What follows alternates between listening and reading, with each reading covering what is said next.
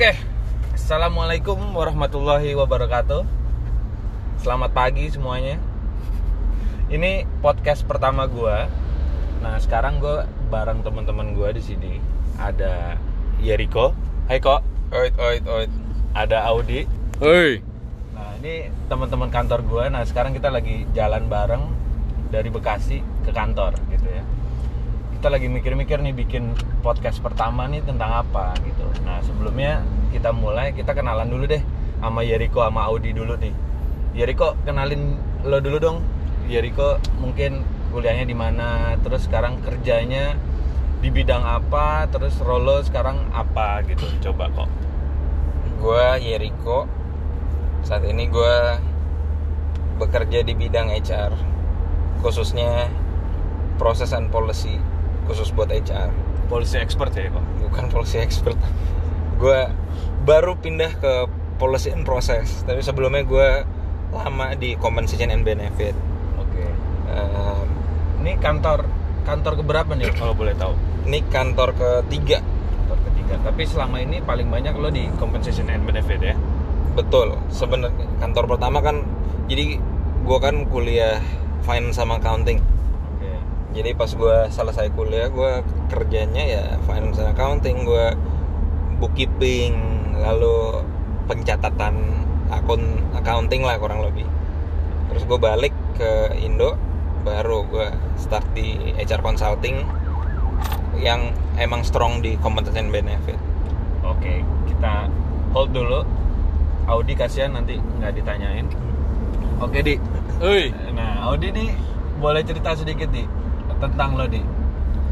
gua gua sekarang lagi jadi di HR itu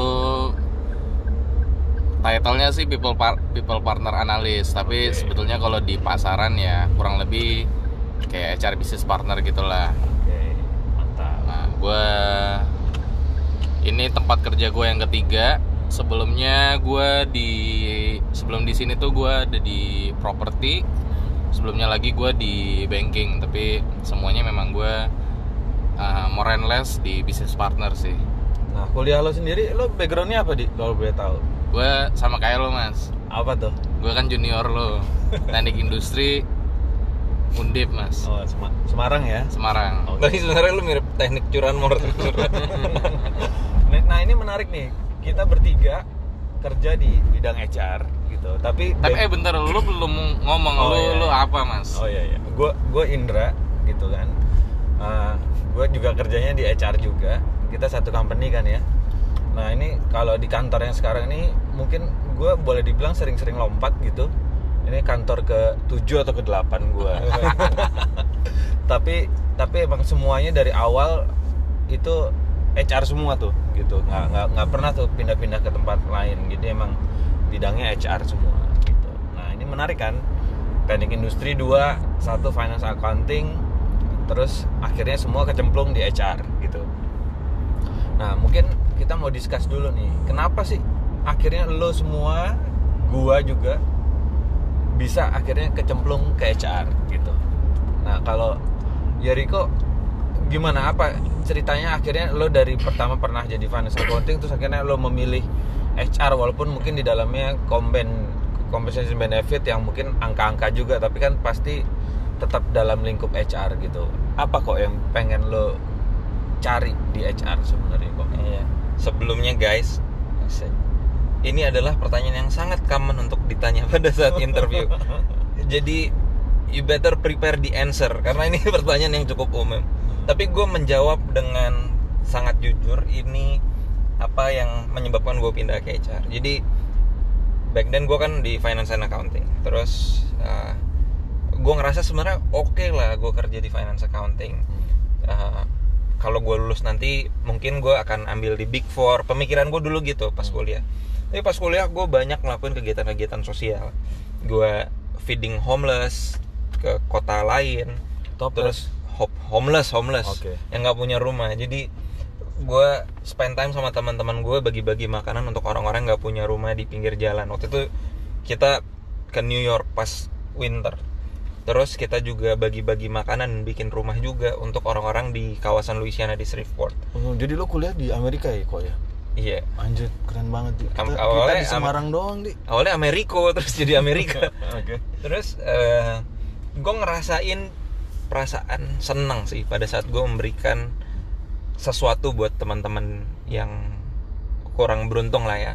Terus ada satu saat juga gue sampai pergi ke Bahamas. Waktu itu abis ada badai Rita kalau lo ingat.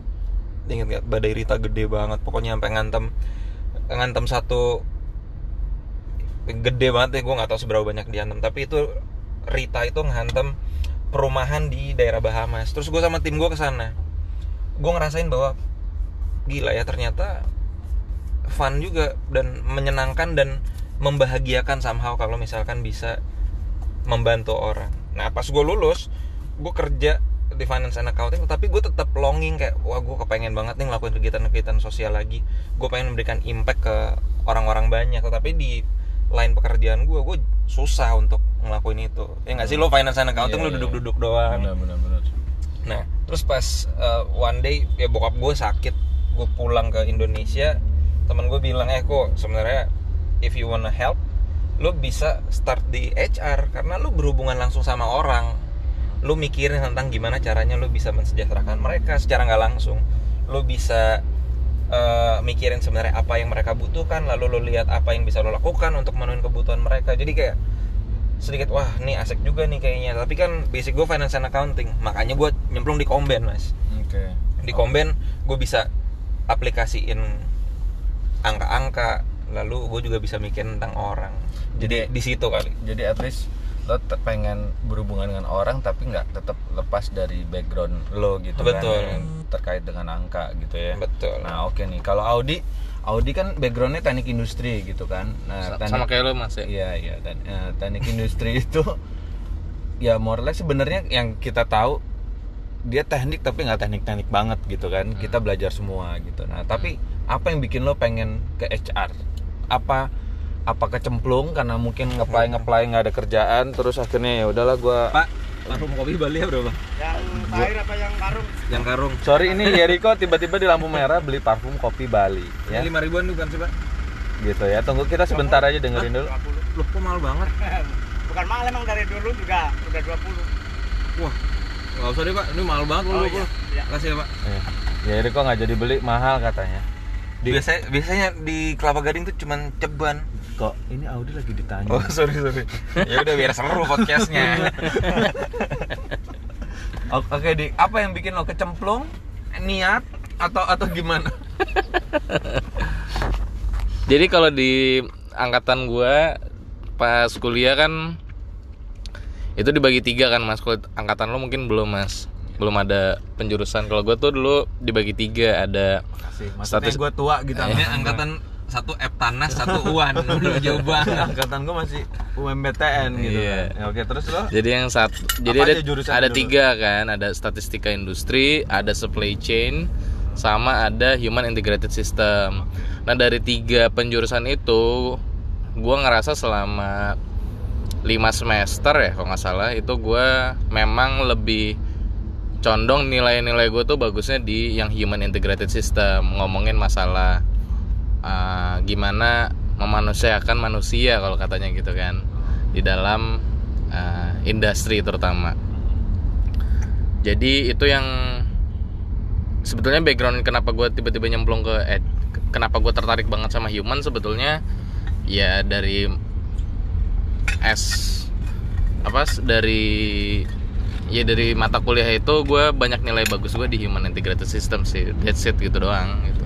Dan gue pas cari kerjaan gue ngerasa oke gue di teknik industri gue banyak ngurusin human apa ngomongin-ngomongin analisa-analisa tentang workload gitu-gitu. Then I think ya uh, my career will be in HR gitu kan. Jadi so far lo merasa emang ini jalan lo di HR tuh emang Iya, karena gue pintar aja mungkin. karena nilainya bagus-bagus Hmm, dulu gitu doang sih. yang lain nggak lulus tuh. Lo gimana mas? Sebagai angkatan ketiga di itu kan lo. ini kan dulu kan zaman lo kan belum ada HP kan belum ada telepon kan Iya, masih TV masih hitam putih masih pager gua. jadi film eh enggak bercanda. Oh, film. jadi kenapa gua di HR memang gua dari dulu emang ketika masuk teknik industri dan pengalaman pertama waktu itu pernah kerja praktek di salah satu industri manufaktur di Pulau Gadung gitu kan gua di bagian produksinya gitu Hmm. gue lihat tuh kayaknya kok kalau berhubungan dengan pabrik dan mesin tuh kayaknya sangat kaku gitu Hmm. kok jadi kayak ya udah ngurusin mesin apa jadi nggak ada interaksinya sedangkan kalau kalau berhubungan dengan orang itu ibaratnya mesin lo omelin nggak bisa mau ngomel balik gitu kan. Nggak bisa dengerin curhatannya mesin nggak bisa Betul. gitu. Kalau orang tuh setiap orang tuh unik gitu. Punya sudut pandangnya sendiri punya idenya sendiri. Nah itu itu yang bikin gue menarik kenapa gue pengen nyemplung ke HR gitu. Itu itu itu dasarnya. Karena walaupun gue introvert tapi gue seneng dengerin dengerin dengerin apa omongan orang apa keluhan orang. Dan gue seneng gimana caranya bika, bisa bantuin mereka gitu bikin orang seneng tuh gue seneng gitu ibaratnya gue susah nggak apa-apa yang asal yang lain seneng Pinjam duit dong kok. Nah itu dia kok susah.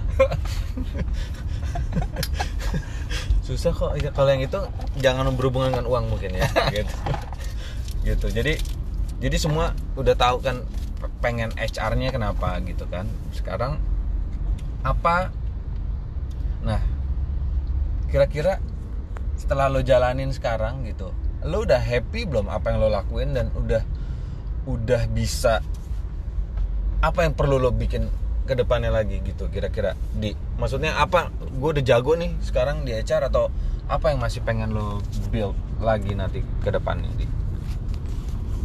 Em, ya gue sih sekarang udah happy happy banget sih karena di kantor gue yang sekarang gue dapat banget exposure yang yang sesuai dengan bukan sesuai juga malahan melebihi ekspektasi gue gitu kan. Em, terus apalagi sih sebetulnya yang pengen gue kembangin eh, yang pastinya sebagai eh, ya bisnis partner yang baik lo harus lebih paham uh, concernnya bisnis dan lo bisa uh, solving uh, business problems gitu kan jadi itu sih yang perlu gue kembangin. Jadi gue harus lebih paham bisnisnya gimana bisnis gue bisa bikin duit apa yang HR bisa bantu. Itu sih yang akan terus gue pelajarin. Kalau lo kok? Gue apa? Apa yang lo cari lagi di dunia HR kok? Apa yang gue cari lagi di dunia HR? apa lo emang pengen fokus?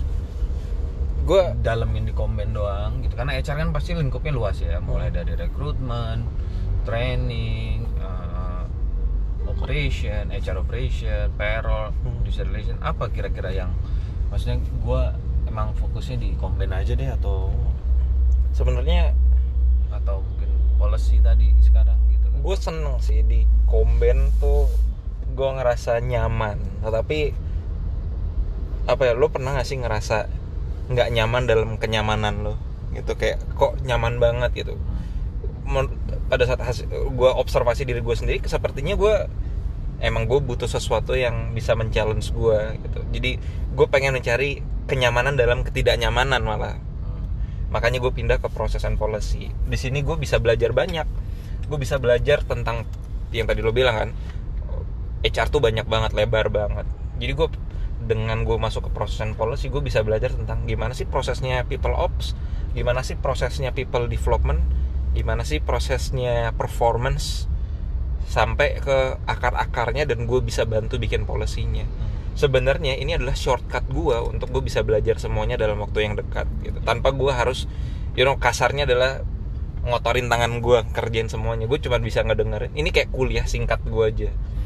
Jadi mungkin itu yang lagi gue excited about. Gue belajar sesuatu gue membantu memecahkan solusi walaupun mungkin nggak memecahkan solusi tapi bantu doang. Tapi gue excited banget di sana.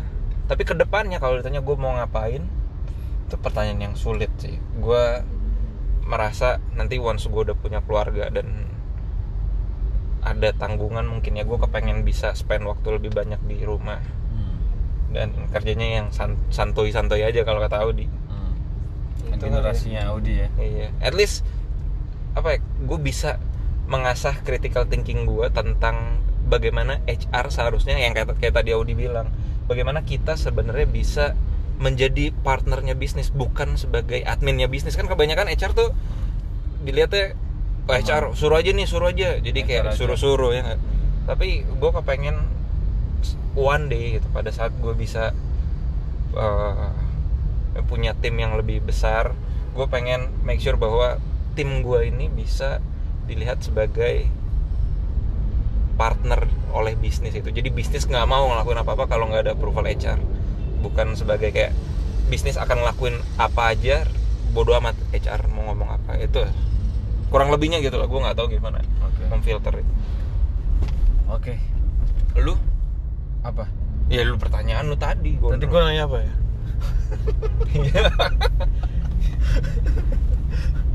Nggak, kalau gue gue orangnya kan karena mungkin backgroundnya teknik gitu ya gue sangat fokus walaupun di HR gue pengen HR tuh tetap berjalan dalam proses yang standar gitu ya. Jadi nggak bisa jalan nongol di standar. Iya standar ganda lagi. Standar dua. Jadi at least at least prosesnya rapi gitu ya. Gue seneng gue seneng ngerapin itu gitu. Dan dan challenge gue terus terang di perusahaan yang sekarang itu untuk create itu eh, butuh effort yang berat gitu. Hmm. effort yang eh, banyak lah gitu. Kenapa? Karena perusahaan ini sangat besar dalam kurun waktu yang singkat. Jadi mungkin kalau ibaratnya tubuh gitu ya nih nih orang eh apa nih company ini udah tumbuh besar tapi mungkin rangkanya rangka-rangka yang utamanya udah ada tapi mungkin yang detail-detailnya belum rapi gitu. Jadi memang harus dirapin pelan-pelan gitu. Hmm. jadi tapi juga nggak bisa pelan-pelan juga ya karena dikejar dikejar waktu juga. Jadi memang challenge-nya itu. Jadi gimana ngerapiin sesuatu tapi dalam skala yang sudah sangat besar itu lebih lebih susah ternyata dibandingin mungkin perusahaannya masih kecil terus kita rapiin. Nah itu itu challenge yang yang ada yang harus gue hadapin sekarang gitu sih kok. Itu nah gue capek jadi host nih. Coba mungkin lo ada ada diska- discuss lagi nggak? Kita gue malas coba apa? Kira-kira kita ngobrol apa lagi nih? Gitu. Tapi take pointnya take away-nya adalah selain makanan take away. Hmm. jadi apa kira-kira goal dari orang untuk masuk HR yang benar-benar make sense? Dan contohnya gini kan lo nggak cuman punya input kan untuk producing output kan? Lo ada prosesnya kan? Kalau lo bilang kan input proses output. Hmm. Kira-kira apa mindset seperti apa yang harusnya dimiliki oleh orang HR contohnya begini apakah mindset membuilding apakah mindset santuy mindset yang penting papa senang? Mindset apa sih sebenarnya? Pas dia masuk oh you know what kalau orang punya mindset seperti ini ini adalah orang yang cocok buat bikin HR jadi bagus banget. Susah ya? Kalau nggak tahu nih, ini agak menarik sih ini. Kalau menurut gua, tunggu sebentar ya, ada ambulan lewat. Gojek sama Grab Kalau menurut gua, mungkin untuk orang sebagai akan sukses atau akan oke di HR tuh kalau punya mental yang pertama mau denger sih kok. hmm. oh iya penting tuh jadi ibaratnya HR itu kan ibaratnya kalau di rumah tuh dia sebenarnya sosok ibu gitu kan yang yang yang dengerin yang bantuin yang yang bisa nge-support atau even jadi di depan kadang-kadang gitu bantuin eh, ngelit juga gitu. Jadi dia bisa menjadi posisi lengkap lah semuanya. Nah, terus dari sisi dia mau dengerin, dia bisa ngasih solusi. Solusi advice gitu, dia bisa ngasih itu. Dan dan yang harusnya sekarang HR yang baik kalau menurut gua harus kuat juga dengan data analyticsnya juga Iya. gitu. Jadi nggak cuman asal oh lo harusnya gini, harusnya gini, tapi juga dia punya strong eh, data yang bisa jadi backup untuk ngasih advice buat eh, karyawan yang lain gitu. Misalnya gue ada masalah kayak gini oke kalau berdasarkan data gini gini gini jadi baiknya lo seperti ini gitu. Jadi jadi ada data yang data yang menguatkan lo untuk memberikan advice itu itu akan lebih valid sih jadinya Iya. nanti. Jadi nggak nggak cuman omdo gitu. Itu bagus sih. Lo meng- membuat merangkum cerita itu jadi kayak ibu yang baik. Jadi kayak sebenarnya setuju sih gue. Lo ngomong ibu yang baik adalah ibu yang ngedengerin anak-anaknya. Hmm. terus tapi kalau anaknya butuh A gitu. Terus bapaknya which is the company bilang kita nggak punya uang untuk ngelakuin itu. Maka ibunya harus bisa mengkomunikasikan gimana baik? Iya. dengan dengan tema yang positif ke anaknya bahwa hey we cannot afford this ya nggak sih? Hmm, hmm, jadi hmm. analoginya bagus banget. Kalau lo di menurut lo gimana di? Mindset orang yang diperlukan untuk HR tapi gue gue mungkin nggak panjang kali ya karena gue gue setuju banget sama Mas Indra karena itu yang gue lihat. Gue sebetulnya rada iri sama orang yang punya listening skill yang bagus karena di HR itu butuh banget Hmm. karena ketika lo nggak nggak punya listening skills ya lo ya user lo nggak bakal rely ke lo ya. iya nggak bakal datang ke lo percaya sama lo gitu itu sih yang salah satu skill yang gue juga Hmm. terus itu dan itu penting banget buat gue Iya. dan mungkin kritis kali ya ya karena balik lagi kalau misalkan objektifnya adalah membangun HR yang partnering dengan bisnis maka emang kita nggak bisa cuman dengerin doang tapi apa ya di apa kri- iya ngasih feedback ngasih juga. feedback dan sebenarnya mengkritisi secara objektif gitu ya. iya gue sama sih kurang lebih pemikiran gue itu kali ya dan ya kurang lebih sama nah jangan sama dong Iya, habis kreatif gimana? dong Gue gue senang sih dengan analogi lo seorang ibu tuh gimana caranya orang tuh bisa ngedengerin, memfilter pakai data-data, lo bisa memvalidasi itu semua cerita-ceritanya. Terus di proses itu jadi satu decision atau jadi satu bahkan policy keseluruhan. Oh, lo pokoknya setiap kali ada masalah seperti ini outputnya harusnya seperti ini. Ya, mungkin mentality seperti itu kali. Sama ini kali mas, di sama can do attitude kali ya. yes Iya. Jadi kayak kira-kira kita bisa begini nggak ya? Banyak orang juga yang wah nggak bisa. Kenapa? Karena pengalaman dia sebenarnya tidak melihat kesempatan itu bisa dilakukan. yes Tapi kalau ada can do attitude, kayaknya at least bilang gini lah, can try attitude lah kalau lo nggak bisa can do attitude. Saya bisa coba sih, tapi kita lihat nanti ya. Itu menurut gue lebih Iya. apa ya menenangkan buat user kalau bukan cuma buat user buat timnya juga. Kalau dia bilang oke lah kita coba. Daripada bilang nggak bisa itu. Kayak hashtag company yang pasti ada jalan itu ya Oh iya. eh bahaya ini. Oh iya bahaya itu. Di sensor aja kali ya. Nggak apa-apa lah. Sekalian promosi. Bayar kan harus oke. Nah, sekarang coba switch deh. Lalu kesalahan ini kita sorry audiens ini kan orang-orang yang pengen masuk HR atau orang HR? Dua-duanya. dua-duanya yang mau Dua-duanya. yang mau dengerin gua sih Oke. nggak tahu Maya. Maya ini gua gitu Fatir anak gua Iya. paling gitu paling segmennya itu aja dulu Iya, sih sama Belda lah. iya Belda Audi Iya. Iya. Nah, satu lagi. Sebenarnya kok apa mentality yang berbahaya?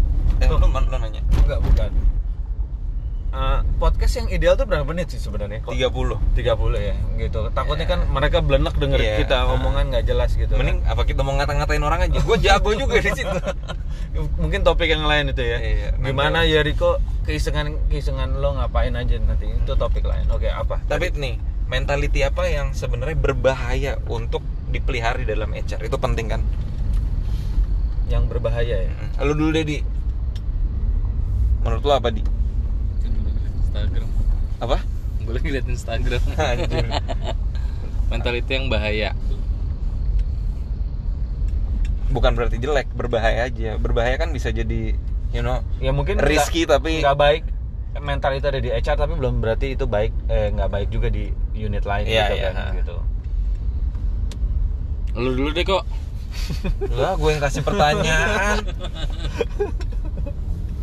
gue ngelihat mentality yang apa ya outspoken terhadap negativity yang dia rasakan. Kenapa? Uh, once lo bisa seperti itu, itu bisa merubah the whole company Atau- company karena lu ngomong ke orang HR orang HR akan ngomong ke user-usernya Hmm. jadi kalau kita negatif itu tuh kayak flu gampang banget lu nggak bisa ngeliat virusnya tapi spreading gampang banget kayak virus once lu mengconvince orang bahwa negativity ini adalah uh, yang terjadi di perusahaan dan nggak bisa di fix lah dan lain-lain. Itu mungkin akan ngebuat orang-orang jadi down. Dan orang-orang yang down ini nanti pas ketemu sama usernya ya down juga. Jadi akhirnya yang membangun distrust kepada company adalah sang ibu tadi si HR sendiri. Menurut gue itu mentality yang Ya, bahaya. kalau ibunya nggak ok- apa ya maksudnya ibunya malah ngasih yang negatif ya pasti anak-anaknya juga pecah rumah tangganya kan Iya, kayak betul. oh ini bapak lo begini begini begini nih akhirnya anak-anaknya which is employee juga ngerasa wah ternyata company adalah company yang Hmm. yang begitulah yang Tapi lu negatif. punya tips gak sih kok? Maksudnya misalkan misalkan mungkin lu pernah juga kayak ada di posisi ini gitu. Hmm. Terus ya lu sebagai HR, ya lu pasti dengar berita negatif apa segala Iya. macam. Ada plan yang negatif segala macam. Oh. Nah, itu kira-kira bukan negatif sih, tapi plan yang mungkin akan ya sulit untuk diterima segala macam. Hmm. Nah, itu gimana lu uh, bikin hal yang negatif itu jadi jadi nggak ada atau jadi, jadi positif? netral Ah, gitu ya gitu. ada sih jadi dua hal yang menjadi fun, apa prinsipal gue yang pertama gue akan mencari safe zone di mana kalau gue cerita ini gue mendapatkan at least gue dinetralin lagi atau gue dibuat jadi lebih positif biasanya gue cerita kalau berdua tentang hal-hal yang negatif kalau ke tim gue gini ini sulitnya gue nggak mencoba spreading negativity tetapi gue menceritakan reality Iya nggak sih? Jadi gue nggak bilang, oh ini dia begini dia begini nih parah banget. Gue nggak bilang begitu. Gue akan kasih tahu kondisinya seperti ini. Tapi jangan jangan pusing. Kita akan bisa bikin solusinya. Jadi gue meng, mengempower mereka dengan problem dan trust mereka dengan apa ya? Bahwa lo mampu ngelakuin ini. Jadi itu dua hal yang berbeda. Pada saat lo kasih tahu reality yang negatif itu lo sebenarnya nggak spreading negativity ya nggak sih Iya. tapi lu ya you just being a transparent leader or even person jadi mungkin itu sih dua prinsipal gue gue akan cerita ke temen yang dekat gue dan you know ya itu sih oke lo ada yang mau nambahin nggak Nggak, kalau gue mungkin lo kan tadi bilang HR yang yang harus yang bahaya itu yang yang memberikan kesan negatif atau showing negativity gitu kan. Mm. Mungkin nama satu lagi HR itu jangan pasif sih, jangan cuek Hmm. gitu ya. Kalau HR-nya cuek, nggak peka sama lingkungan, peka. Jadi HR harus peka gitu. Kalau dia nggak peka, nah benar eh, nggak nggak aware dengan ada sesuatu di lingkungannya ya bahaya juga gitu kan karena ya kayak ya kembali lagi ke filosofi ibu gitu kan kalau ibu pasti akan aware kalau anaknya ada sesuatu gitu. Anaknya murung anaknya anaknya kok muntah-muntah gitu ya? muntah ini pasti ada apa cewek gitu. lagi iya muntah-muntah terus. gitu. dilihat kan pasti nanti bahaya gitu. Nah ya, ya jadi itu mungkin kalau udah HR yang nggak peka itu bisa jadi masalah sih. Itu ya mungkin yang harus di highlight. Lu di lu udah Kayaknya ditanya sih- pertama lo yang terjawab terakhir jadi. Kayaknya sih itu aja sih Eh, podcast kita hari ini ya mas ya kok lo udah lang Iya, langsung aja, iya, udah. kan ini podcast gua. Kenapa lo yang nge-close? Oke guys. Eh, rekan-rekan. Asik. Ini udah udah hampir setengah jam kita discuss dan kebetulan tak kenapa Bekasi Jakarta agak lancar hari ini. Udah mau sampai kantor. Nggak sih setengah jam lagi. Eh, moga-moga podcast pertama gua bermanfaat buat yang dengerin gitu Amin. kan. Amin. Ya nanti semoga ada podcast podcast selanjutnya yang kita bahas topik-topik seru lainnya gitu kan. Jadi topik hari ini topik pertamanya tentang kenapa HR kenapa kita semua di sini pilih HR sebagai jalur karirnya bisa jadi manfaat buat yang dengerin. Gua Yeriko Audi pamit. Assalamualaikum warahmatullahi wabarakatuh